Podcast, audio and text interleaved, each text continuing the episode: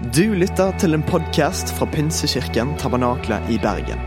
Vi tror at kirken skal være en plass hvor mennesker trives gjennom alle livets faser.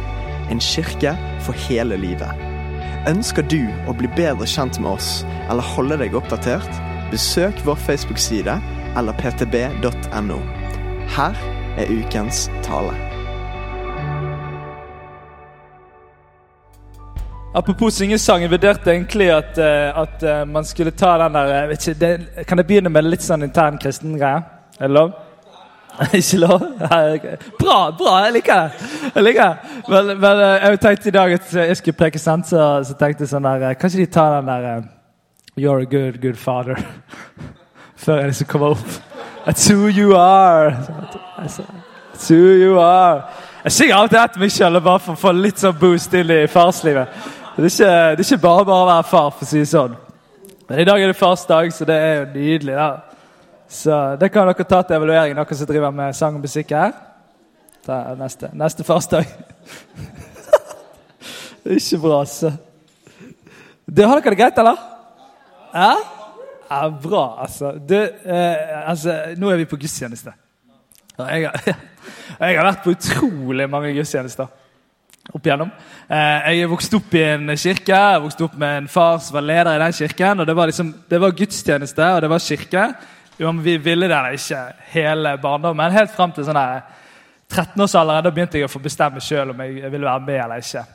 Og Jeg har sett utrolig mye i kirke. Om det er i denne kirken, eller om det er den kirken jeg vokste opp i, eller kirka på Østlandet når jeg bodde der og studerte. Så jeg har, jeg har sett så utrolig mye. Ta, hørt mange taler, mange forskjellige lovsanger, eh, liksom budskap. Folk har blitt friske og blitt bedt for. Liksom, utrolig masse flott jeg har sett da, i det som har med liksom, gudstjenester og liksom, det Kirken betyr for mennesker. Det Kirken eh, jeg sender og et budskap. For egentlig er det sånn at Kirken skal jo reflektere Gud på en slags måte. For Vi tror at, at eh, Kirken det er Jesu kropp på jorden. Det høres jo litt voldsomt ut, men det er faktisk det Bibelen bruker som et eksempel på. At, at, at uh, menigheten det er kroppen til Jesus som fortsatt representerer han her på jorden. Og Så vet vi at vi ikke klarer å gjøre det like bra som han. Samtidig skal vi reflektere det han gjorde, inn i den tiden som vi lever i nå. Uh, og det er litt sånn at jeg har jeg har på en måte, en ting som Når jeg sjøl begynte å lese litt i Bibelen, selv begynte liksom å bli opptatt av dette på egen hånd, oppdaget liksom at her er det et eller annet som ikke jeg har hørt så mye snakk om som eh, nei, i liksom oppveksten og i, i menigheter rundt omkring. Og så er det et liksom tema som har, har liksom blitt satt litt på siden, eller det har blitt kategorisert på en måte som gjør at det oppleves ganske fjernt. egentlig. Og Det er det som har med evangelisering å gjøre. Altså Det som har med å dele troen sin med andre. Og Det det ofte handlet om, det var at det var noen langt på andre siden av jordkloden som vi var utrolig opptatt av at skulle få lov til å høre om Jesus. Eh, og så var vi utrolig fornøyd med å være samlet, vi som var her. Og så var det nesten som at liksom, den, de kirkene jeg har vært borti, tegner et bilde av en gud som er litt sånn her De som ikke er her, de vennene våre, kollegaene våre, klassekameratene, naboene som ikke er i kirken, kanskje de liksom bare skjerper seg litt. Grann. De, de, må bare komme i gang. Liksom. De må forstå det snart. Og så var det veldig lite snakk om liksom, hva jeg kunne gjøre for å dele troen min med mine venner, og mine naboer og mine klassekamerater. Eller min familie, eller søsken eller foreldre som, som ennå ikke tror eller er usikker på hele kristengreiene. Og så er vi i en taleserie som vi kaller Glokal. Så Der vi tror at dette oppdraget vi har fått, som vi da kaller misjon, og så har vi fått en, et oppdrag om å gi videre det som vi har fått, så tror vi at det er både noe som skjer globalt, at vi kan ha et engasjement for hele verden. og Derfor i denne kirken så har vi misjonsarbeid rundt omkring i, i, i alle, nesten alle kontingentene. Eh, kontingent, kontinentene.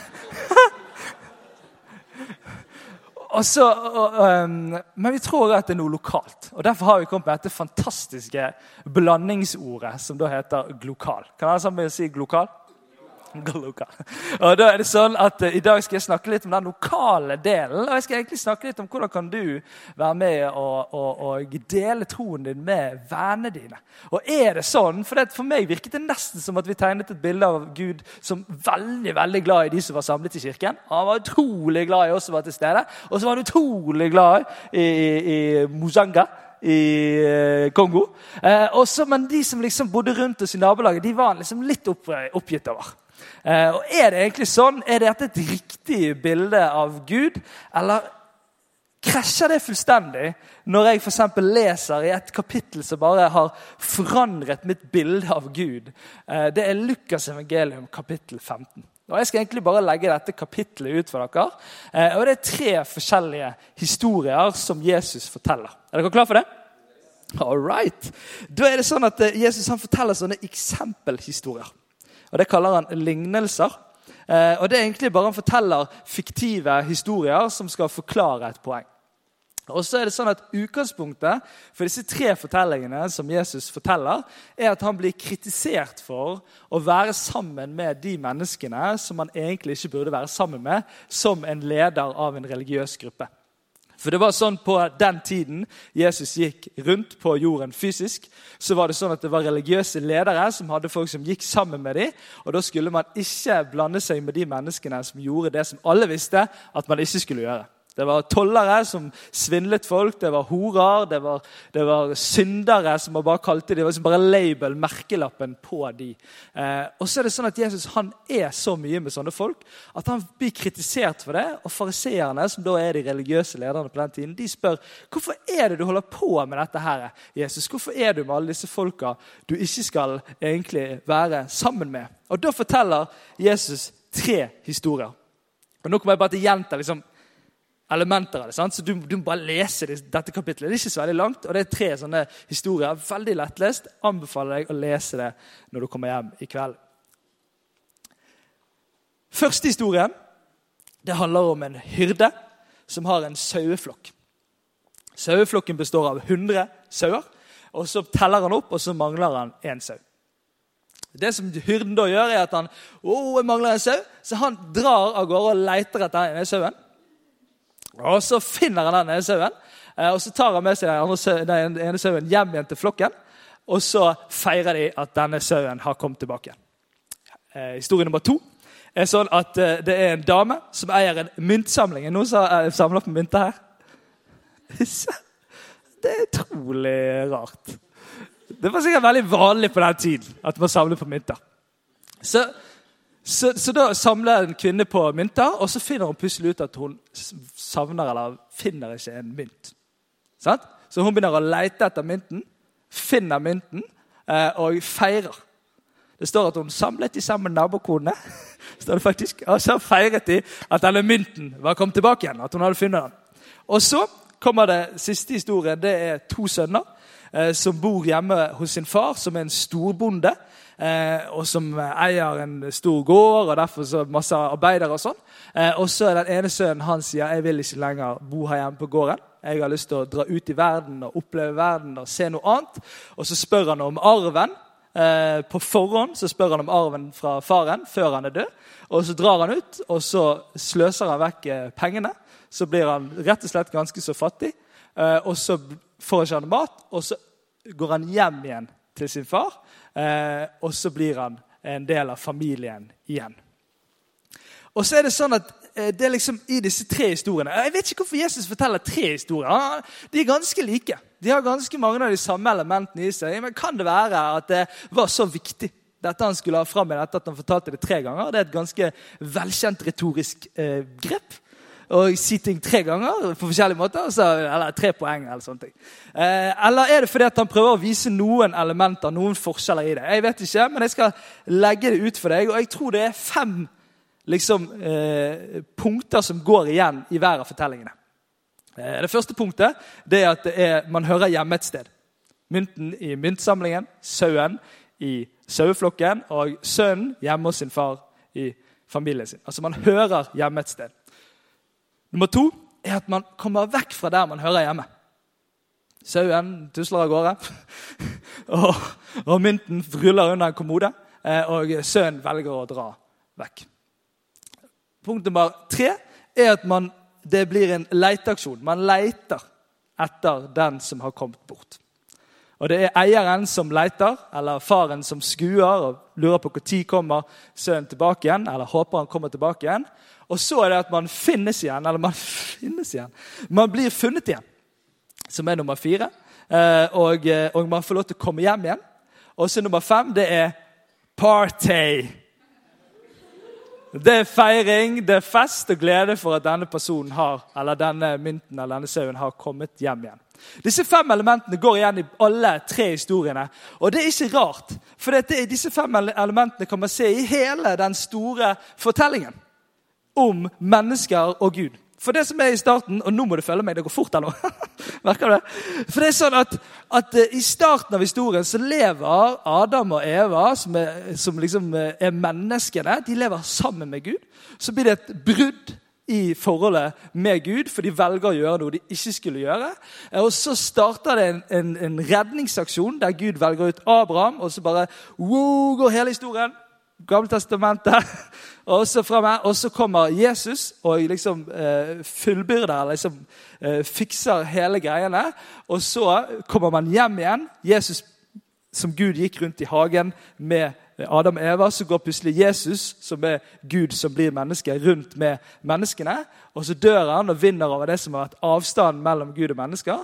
Og så feirer vi, og det feirer vi hver gang vi starter med en lovsang her. Vi feirer det som er gjort. Og så går disse fem elementene igjen. Og min tanke da, mine venner, er at dette må jo være ganske så viktig for Kirken disse fem elementene. Når hele boka handler om det, og Jesus forteller tre sånne historier Og jeg tror Jesus da forteller noe om Guds hjerte for mennesker. Så nå skal, Jeg skal bare preke disse fem punktene. Er dere klar for det? Utrolig pedagogisk for, for, eksempel, for, for resten. All right. Punkt nummer én. Alle mennesker er ment til å være sammen med Gud. Altså Vårt utgangspunkt er at Gud har velsket verden så høyt han ga sin eneste sønn for å redde verden. Han har gjort alt for det, og vi er skapt til å være sammen med han. Sauen den skal være i flokken. Mynten skal egentlig være i myntsamlingen, og sønnen skal være hjemme på gården. Og Vi må ikke tro det, noen av oss. At vi tenker sånn her, Noen er faktisk ikke ment til det. Eller man kan si det sjøl. Jeg er ikke ment til det, egentlig. For hvis vi tror på budskapet, at det er en objektiv sannhet, så gjelder det alle mennesker. Det betyr uansett hva de sier sjøl, faktisk. Det er litt voldsomt inn i vår tid å kunne si det. Uansett hva de har gjort. Uansett, uansett. Og det er sånn at det er grunnleggende for oss. Det, vi tror at det er det beste for alle mennesker å være sammen med Gud. Og Det er litt viktig å si, for noen ganger så tror man at det å dele troen sin blir en sånn her eh, diskusjon man skal vinne, eller en meningsutveksling der man liksom må slutt gi tapt for den andre sin mening. Det er ikke min personlige mening. Jeg tror på en objektiv sannhet av at det beste er å være sammen med Gud. og Derfor så ønsker jeg at flere skal få lov til å være med på det. Og Det tror jeg er litt viktig at vi må si høyt som kristne, så ikke det blir en sånn eh, kamp om å liksom dra folk i forskjellige retninger, og de føler bare at vi liksom skal dra dem med, dra de med på våre slag. Vi tror det objektivt sett er det beste for alle mennesker å være hjemme sammen med Gud. Så punkt nummer to. De blir borte. De kommer vekk og Det er noen forskjeller på disse historiene. og Her beveger jeg meg litt ut på kanten sånn i forhold til å trekke mye ut av bibelteksten. Men når Jesus forteller tre historier om det ganske det samme, så må det være litt lov. For det som er greia, er at sauen han virker ikke helt liksom å ha reflektert over at han ikke vil være en del av flokken. Det virker ikke som han liksom bare sånn Nei, jeg gidder ikke mer, jeg stikker av gårde. For meg, så, Jeg ser for meg en sånn sau som er litt sånn ja, det var, Der var gresstust, ja. Og så en til der ute. Og så kom han liksom bare litt langt ut. Og så var han plutselig så bare Hvor er alle sammen? Onkel Fotsopp. Nå er det sånn istige Men og, og, så bare, og så ble han borte. Han sklei på en måte bare ut av flokken. Og mynten den kan ikke gjøre så mye sjøl. Den, den, den, klarer på en måte ikke å bevege seg alene. Så, så, den er på en måte litt sånn her, den har jo blitt, blitt ja, la oss si det, rullet under en kommode. Og så er den liksom bare der. Den har på en måte aldri helt liksom, gjort noe med det. Den har ikke kontroll over det. Og den har ikke kanskje så veldig reflektert forhold til om man er på riktig sted eller ikke engang. Men det mener eh, damen mener jo det. Hun er ganske klar på at denne mynten bør være i eh, myntsamlingen og ikke under kommoden. Og så kommer eh, denne sønnen. Og her er det et skikkelig oppbrudd. Han velger ganske tydelig å forlate fellesskapet med sin far. Han gjør et oppbrudd som ikke bare handler om at han eh, gjør en avstand i forhold til at han sier jeg vil ikke være her sammen med deg lenger, men han gjør også et oppbrudd av at han sier jeg vil ikke ha noe med deg å gjøre i det hele tatt. Du er egentlig død for meg. Så alvorlig var det å spørre om arven på forhånd. Eh, og så Ikke bare det at han gjør et oppbrudd i det han liksom at han forlater, men han gjør også et ganske så sterkt brudd med sin, sin fortid og med sitt hjem når han sløser vekk de pengene som faren har tjent opp på gårdsdriften, eh, og bruker de på ting som han ikke skal bruke det på, og gjør ting han ikke burde gjøre. Så her er det tre litt forskjellige historier, og jeg tror kanskje de kan representere noen av de forskjellige måtene mennesker blir borte på fra troen, eller kommer på avstand fra troen og fra Gud. Noen har hatt muligheten, men har rett og slett bare sklidd ut av troen. Det bare ble sånn. Så var det, Vennene mine dro ikke der, og så, og, så, og så bare ble det sånn. Og så tenkte jeg kanskje ikke kjempe over at jeg skulle ta avstand fra dette, eller jeg vil ikke være en kristen, men det bare ble sånn. Og så plutselig var man ikke en del av fellesskapet eller hadde noe tro lenger. Og så er det noen som har aldri fått muligheten til å tro. Som bor i en eller annen bush i Papua Ny-Guinea eller på Danmarksplass og har aldri fått høre. Det er veldig sammenlignbare situasjoner. Og har aldri fått høre historien om Jesus bli fortalt til dem skikkelig. Hvis de spør dem hvem var Jesus, eller hvem er Jesus, så har de ikke noe svar på det, for det noe, ingen har noen gang fortalt dem det. De bare er der. Men Gud er som denne damen som sier ja, men de hører allikevel hjemme, selv om ikke de vet det sjøl. Og så er det noen som har brutt med det og som kanskje har brutt med det så sterkt at de tenker jeg har brent alle broer. Jeg kan aldri komme tilbake igjen. Jeg har sagt det til min familie, jeg har sagt det til alle. Jeg vil ikke ha noe med dette å gjøre. Eller jeg har gått høyt ut som ateist eller en som tror på ingenting. Eh, og jeg kan aldri på en måte gå til det der fordi jeg har brent broen. Jeg har gjort et sterkt oppbrudd, et ment oppbrudd.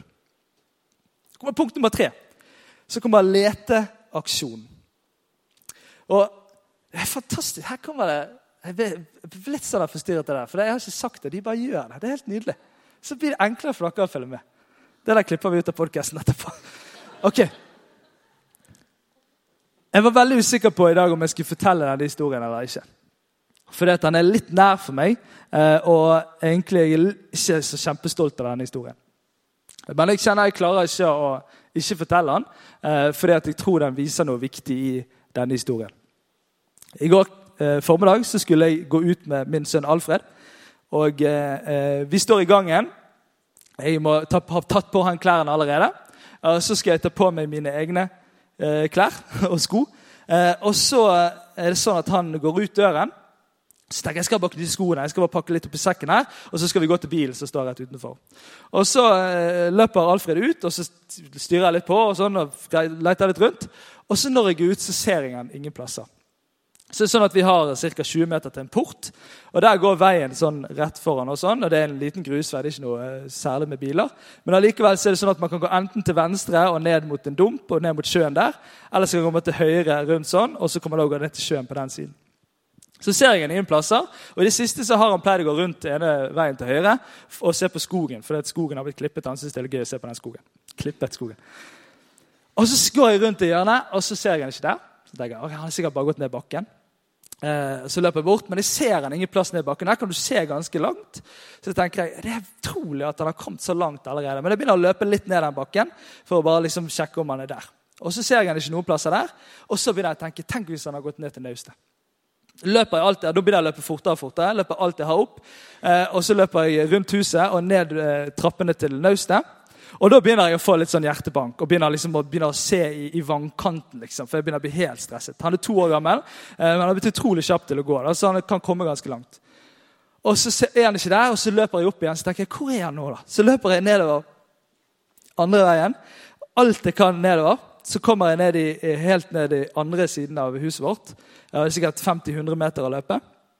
Og så tenker jeg, ok, Vi pleier alltid å være nede på de bryggene nede. ok, Jeg går ut på bryggen og sjekker. Og Nå begynner liksom tanken om en familie som vi vokste opp med, som mistet sønnen fordi de, eh, han gikk av gårde og, og, og, og, druknet. Så begynner hjertet å pumpe, og så ser jeg, liksom, begynner jeg å se i vannet har han datt uti.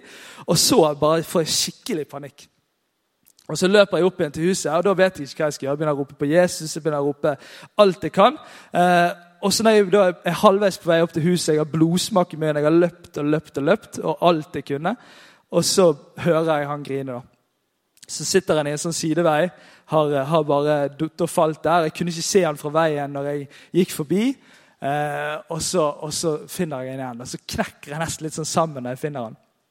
Og Første respons var nesten at jeg hadde lyst til å bli sint. Du kan ikke løpe fra meg på den måten. Men det ble bare noe sånn her Du kan ikke gjøre sånn som du kan ikke gjøre sånn som det der. Og så brukte jeg lang tid på å komme meg igjen. Og så plutselig så bare kjente jeg på Jeg hadde allerede valgt at jeg skulle preke over den teksten. Eh, og, og, begynte å forberede meg. Så bare kjenner jeg på hvordan jeg på kroppen fikk kjenne på det å miste noe man er kjær. Og jeg tenker Noe av forskjellen i denne historien min er at kanskje jeg tenkte på liksom at det er min feil, og hva kommer Marit til å si? og sånn, Men jeg er bare ganske så sikker på at det var ikke derfor jeg var mest redd. Det var fordi at jeg kunne miste noe av det aller mest dyrebare jeg eier, eller har. Og Gud har ikke noe skyld i at vi har kommet bort. Det er noe som vi har valgt sjøl. Men allikevel så tror jeg dette viser noe av hans hjerte. For det som skjer i disse historiene, når det blir leteaksjon, da, er at, er at det blir nesten litt sånn urasjonelt. Og Jeg tror ikke Gud er urasjonell, men jeg tror han viser urasjonell handling for å vise oss hvor mye det betyr for han at noen er kommet bort. For det som skjer er at Hyrden på en eller annen måte finner ut at det er lurt å forlate de 99 sauene og lete etter den ene. Ganske så urasjonelt, egentlig. Og det andre ting er at Denne damen hun mister en mynt. og hun, Hvis du går i grunnteksten, så er det en razzia hun gjør med hjemmet sitt. Altså hun, En politirazzia. Hun endevender huset for å finne den ene mynten. Og denne Faren han stopper opp den daglige driften og står og speider etter sønnen for at han skal komme hjem med en sønn som egentlig har gjort et kjempeoppbrudd med ham, men likevel så gir han ikke opp og står og speider. Og så bare er det noe med at Gud prøver Jeg opplever at Gud prøver denne teksten mener jeg viser at Gud prøver å vise sitt hjerte for de menneskene som har kommet bort. Og så har jeg lyst til å utfordre oss i dag på å få det samme hjertet for de menneskene som har kommet bort. Nummer fire så blir de funnet og kommer hjem. Og I alle historiene så leter de til de finner. De speider til han kommer. De gir ikke opp. Og så blir de satt tilbake igjen til der de hører hjemme. Sauen kommer inn i saueflokken igjen. Mynten inn i den verdifulle samlingen. Og sønnen blir fullstendig sønn igjen i familien. Han blir ikke et eller annet annet enn det han var før han dro. Han blir fullstendig sønn igjen. Og det er noen bilder på dette med en ring som settes på fingeren, som symboliserer at han er den han var før han dro. Og så kommer nummer fem. Det feires. Og det viser hvor mye det betyr. De samler sammen andre. De feirer ikke bare alene og står der med mynten, men hun henter nabokonene. Og de feirer at denne er kommet hjem igjen. Og, og det blir, samles nabolag for å feire. Og Det står til og med at det er større glede over en synder som kommer hjem, enn ti rettferdige. Altså Det rangeres at det er en større glede over at noen kommer hjem igjen, enn at vi er her samlet nå. Og Det tror ikke jeg er for å fortelle at ikke vi skal være glad for at vi er samlet, vi som er samlet her. Men jeg tror det er noe for at Gud prøver å vise sitt hjerte for de som egentlig var ment til å være hjemme, men som har kommet bort, og som skal komme hjem igjen. Og Hvis dette er tilfellet, at alle mennesker er ment til å være hjemme hos Gud, så har vi litt av et prosjekt foran oss. Hvis dette er Guds hjerte for mennesker, så tror jeg det er ganske annerledes enn veldig mange kirker speiler. Og det Jesus gjør, da, det er at han inviterer oss inn i oppdraget av å være med og finne de som har kommet seg bort. Han sier det i den store misjonsbefalingen som vi kaller det, som er oppdraget til oss, der han sier 'gå ut og gjør alle mennesker til disipler'. Han sier 'gjør det samme som jeg har gjort'. Vær med og hent mennesker hjem igjen. Men hvordan kan vi være med i denne leteaksjonen? Jeg tror det skjer masse bra i misjonsarbeid. Jeg tror det er mange mennesker som kommer hjem i, i, i Kongo, så vi driver masse arbeid i India. Masse, jeg tror virkelig på det. Og vi er med på å bygge det.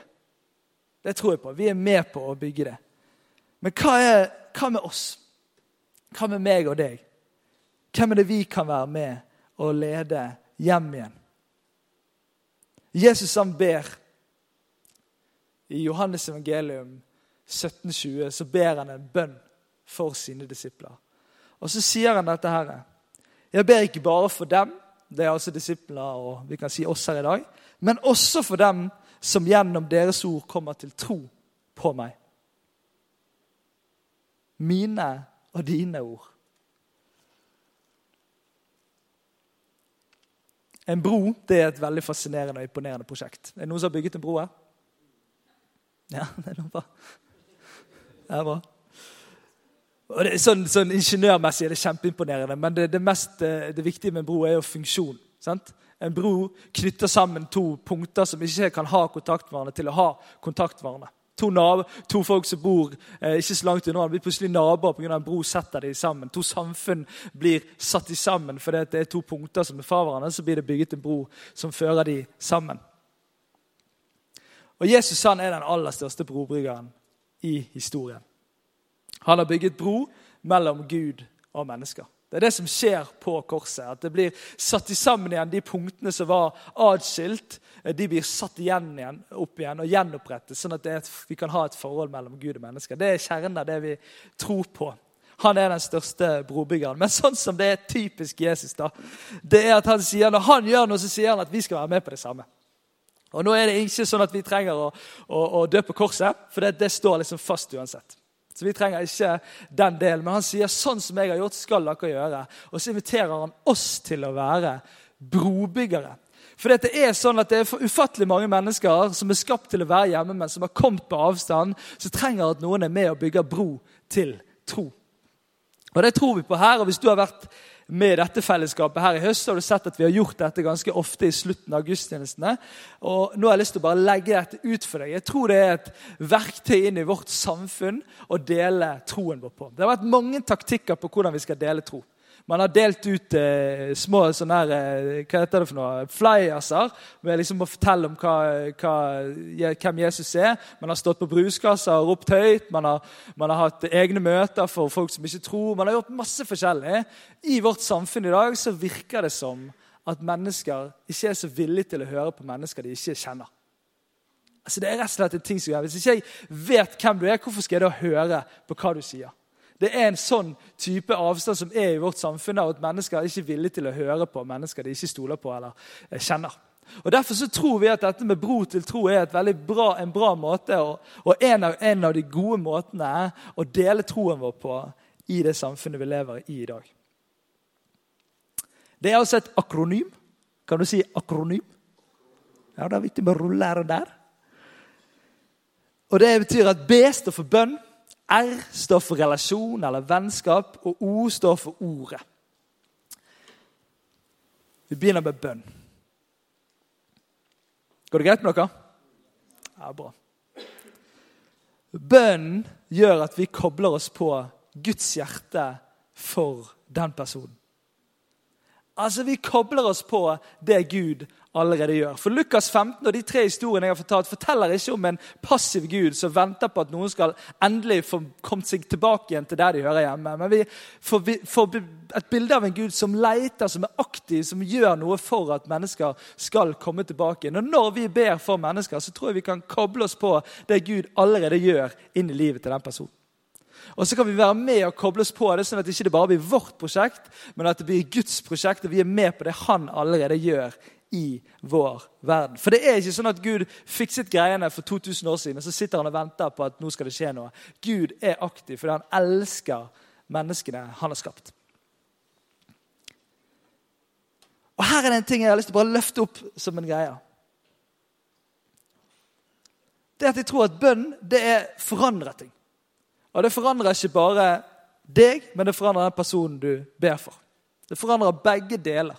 Det vil si at jeg tror at, at når du ber for en person, så forandrer dine tanker og dine eh, følelser knyttet til den personen seg. Det forandrer deg og din lengsel etter å se denne personen komme hjem igjen. Og så forandrer det den personen, som jeg tror da kan bli klargjort eller få en opplevelse som gjør at den blir klar en gang til å ta imot Gud og bli en som tror. Det er helt klart at det er veldig mange som har blitt kristne, som kan fortelle historien om at de oppdaget etterpå at det var noen som ba for meg. Det var en bestemor eller en mamma eller en kompis eller en eller annen som ba for den personen før den ble en kristen. Bønn er viktig. Så kommer R-en. Relasjon. Jeg kaller det vennskap, men det er veldig vanskelig å si vo til tro. Så da er det R-en. Relasjon. Som jeg sa, så hører vi på de vi kjenner. Det å bygge vennskap det bygger tillit, og det gir en inngang til å kunne være med og fortelle det som virkelig betyr noe for deg. Og Det som jeg er utrolig opptatt av, det er at det ikke blir sånn telefonselgervennskap. For da blir jeg helt stresset. Har du noen gang blitt ringt opp av en telefonselger? Ja. Skal, altså jeg vet ikke, men det, men det er noen ganger sant, at de, de, ringer til meg, og så er de utrolig interessert i meg. Og De kan til og med spørre sånn, hvordan har dagen din vært. Og det liksom bare legger ut, sant? Og jeg skjønner det. Men med en gang jeg sier jeg er ikke interessert, så blir jeg utrolig lite interessant for dem. Og her er jeg syns det har vært noen sånne nykker eller sånne tendenser i kristen sammenheng. Hvis man blir veldig opptatt av å dele det man tror på, og skjønner at en person sier nei, men jeg, jeg er ikke så interessert i det der, så liksom bare backer man unna. Vi tror på ekte vennskap. Vi tror at vi bryr oss om mennesker fordi Gud elsker dem, ikke om de kommer til å tro eller ikke. Altså, Vi tror verdien deres er uavhengig av det, og vi tror at vi kan elske dem uavhengig av det. Og Det tror jeg er så viktig når vi snakker om dette. For Hvis det blir et sånt mål at vi skal bare komme til det punktet der vi sier ja til Jesus, og så er vi ferdig med prosjektet, så blir ikke det ekte vennskap. Så blir ikke det at vi bryr oss om de som mennesker. Da blir de bare et objekt som vi skal få med oss på det vi holder på med. Veldig, veldig viktig. Kan du si viktig? Åh. Ekte vennskap inviterer til ting man syns er bra. Og Det er derfor vi snakker veldig mye om å invitere inn i det vi holder på med her. Vi tror at Når vi bygger gode vennskap for folk, så snakker man om det som betyr noe for deg, og så viser man det man syns er bra. Og Det tror jeg også er med Kirken. Jeg tror det er et eller annet rart med at det er blitt en litt sånn bøyg i det for noen å invitere inn i Kirken. Jeg tror vi må bare, vi må bare jobbe med det. Vi må bare bli litt sånn ferdig med det. Vi må tenke at Det er helt naturlig at jeg bygger vennskap med noen, og så bruker jeg masse tid i kirken. Så det er helt naturlig at jeg sier kanskje du blir med i den kirken som du bruker masse tid i. da. Og se og høre det vi holder på med, med egne øyne og ører. Ekte venner har tid til deg. Jeg har sagt det, jeg kommer til å si det, jeg kommer aldri til å slutte å si det. at Plassen i en kirke, hvor mange det er plass til i en kirke, er ikke avhengig av rommet. Hvor mange seter det er ledig. Men det handler om plassen i ditt liv. Om du har plass til flere mennesker i ditt liv. Det er det som er greien. liksom. Det er ingen mennesker som bare kommer inn i en kirke, og så sitter de her i 20 år og så det, har de ikke kontakt med noen, og så er de en del av kirken. Nei, De blir dratt inn i et fellesskap, de blir invitert hjem til folk, inn i livene til folk. Det er det vi tror på. da. At det å være et fellesskap det handler om å være sammen, mer enn liksom at man bare liksom sitter her eh, og ser hverandre i nakken. Man blir invitert inn, og man blir brukt tid på, og man har plass til det. Har du plass til flere mennesker i ditt liv, blir spørsmålet mitt her. Og Det er derfor vi multipliserer life-gruppene hele tiden. Det er derfor vi i disse life-gruppene som samles i uker, derfor vi ønsker at det skal hele tiden uh, bli nye grupper når vi blir mange. Fordi vi ønsker at det alltid skal være plass til flere. For Hvis en gruppe ønsker å være den samme gruppen hele livet, så, det, så må de, alle de nye lage en egen gruppe, og så blir det utrolig vanskelig. Så vi bare ser at vi må dele, dele, dele, dele, sånn at det alltid er plass til flere. Selv om det gjør litt vondt noen ganger å dele opp life-gruppen. Ekte vennskap så deler vi det som betyr noe. Og det tar vi videre til O-en. Ordet. Og Her er min lille setning. Den lille fortellingen som leder til den store fortellingen. Vi blir veldig stresset av den delen. Så ofte så blir vi stresset.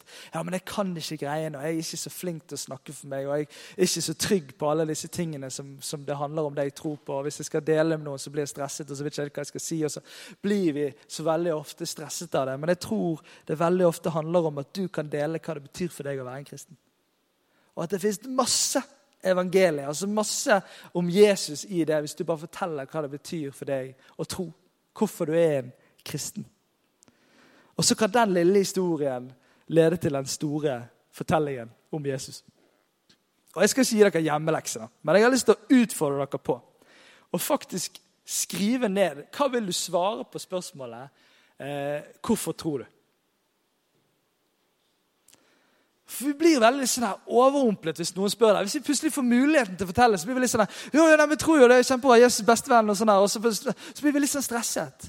Men hvorfor kan ikke vi planlegge og tenke igjennom, da? Vi trenger ikke ta opp lappen sånn her, 'Jeg tror at' Vi trenger ikke gjøre sånn, men vi kan ha tenkt litt igjennom det. Og så kan det gjerne ikke være så mye lenger enn 100 ord. Altså, Vi er litt sånn 'Endelig en som vil høre på meg!' Så to timer, sant? Altså, Du får ikke to timer. Så kan vi bare være litt forberedt. Hvorfor tror jeg på Jesus? Og hva er det å tro på Jesus? Hva er historien om Jesus? Hva er det vi egentlig tror på? Bare forbered seg. Jeg Trenger ikke være med en 100 år, det heller. Sånn at vi har et svar å komme så vi har tenkt litt igjennom. ikke det er verdifull tid å bruke? Kanskje man skal gjøre det på Lifegruppen på onsdag sammen.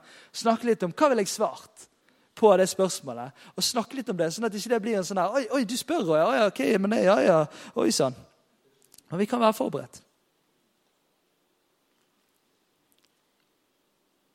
Og så tror jeg at din lille fortelling kan lede til den store fortellingen. Det er ikke din lille fortellingen som, som gjør en forandring i et person sitt liv. Det er når de får sjøl bli en del av den store fortellingen og sjøl møte Jesus og ta imot det han har gjort for deg. Men jeg tror at din lille fortelling, jeg tror du ser altfor ned på din lille fortelling. Du tenker det er ingenting, jeg har jo ikke den, jeg var ikke rusmisbruker og ikke gjorde det og det før jeg ble en kristen. Og så har man liksom ikke den store historien. Men hør, det er den vanlige historien som må fortelles, eller din historie, din ekte historie om hvorfor du tror. All right. Neste gang du får muligheten til det, du må tro, del hva det betyr for deg å tro.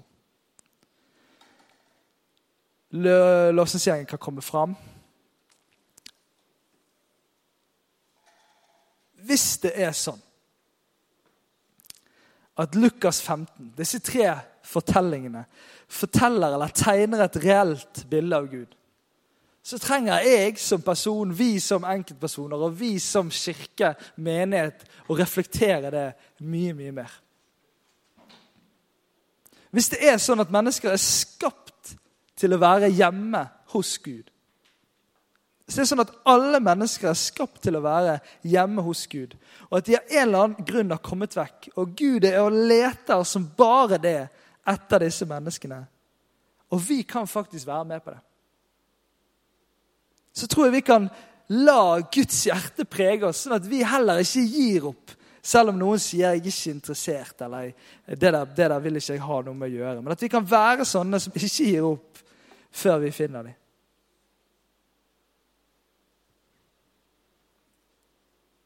Der vi kan se mennesker få lov til å komme hjem i troen sin, i fellesskapet.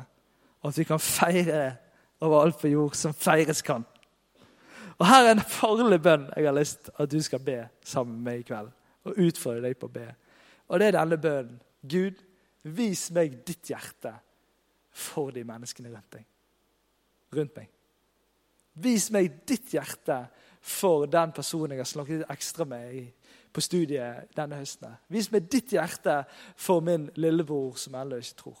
Vis meg ditt hjerte, Gud så kan du be eller lage, be hver, dag og, be hver dag og lage en bro til tro-liste. Der du kan be for mennesker hver dag. Og Der du kan bygge ekte vennskap med dem. Ta deg tid til dem og invitere dem inn. Der du kan dele din lille fortelling som leder til den store fortellingen. Du, Vi har en Gud som er på leteaksjon. Kanskje vi sammen kobler oss på det som Gud gjør, og være med og hente mennesker hjem. Ikke for at vi skal juble over at vi har vunnet noen mennesker, og at vi skal bli høy på det, men at vi skal kjenne på den reelle tanken om at vi tror det er best for alle mennesker å være hjemme hos Gud. Og Det betyr ikke at vi ser ned på mennesker sånn som de lever i dag, men vi tror at vi har oppdaget noe som de ennå ikke har oppdaget, og vi ønsker å dele det med dem. Og Det er vårt hjertes motivasjon. At vi tror at det er det beste for alle mennesker å være hjemme sammen med Gud. Jeg drømmer om masse feiring. Jeg drømmer om masse feiring. Fordi at mennesker kommer hjem. Og da gjør det ingenting om man ikke feirer så mye at jeg er allerede. Det gjør meg ingenting. Hvis det kan være sånn at vi sammen kan feire at det er kommet nye til. Noen nye har kommet hjem. Noen som var borte, har kommet hjem. Jeg ønsker at hver søndag skal vi få feire det sammen. Og Da tror jeg vi kan begynne i våre liv. Be for noen, bygge vennskap og dele vår lille fortelling som leder til den store fortellingen. Jeg har lyst til å reise deg opp.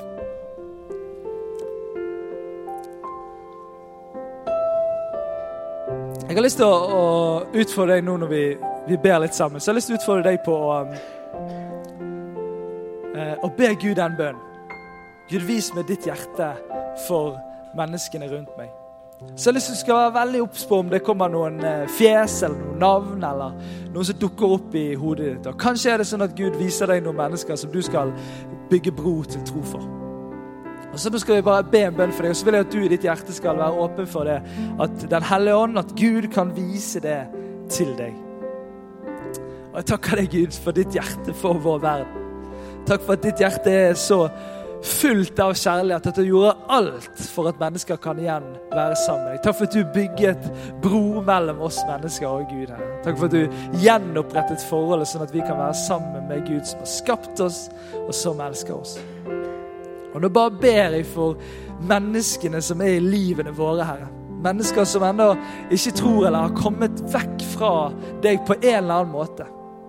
Og Jeg bare ber om at vi kan være sånne som er med på den leteaksjonen og få lov til å lede mennesker hjem.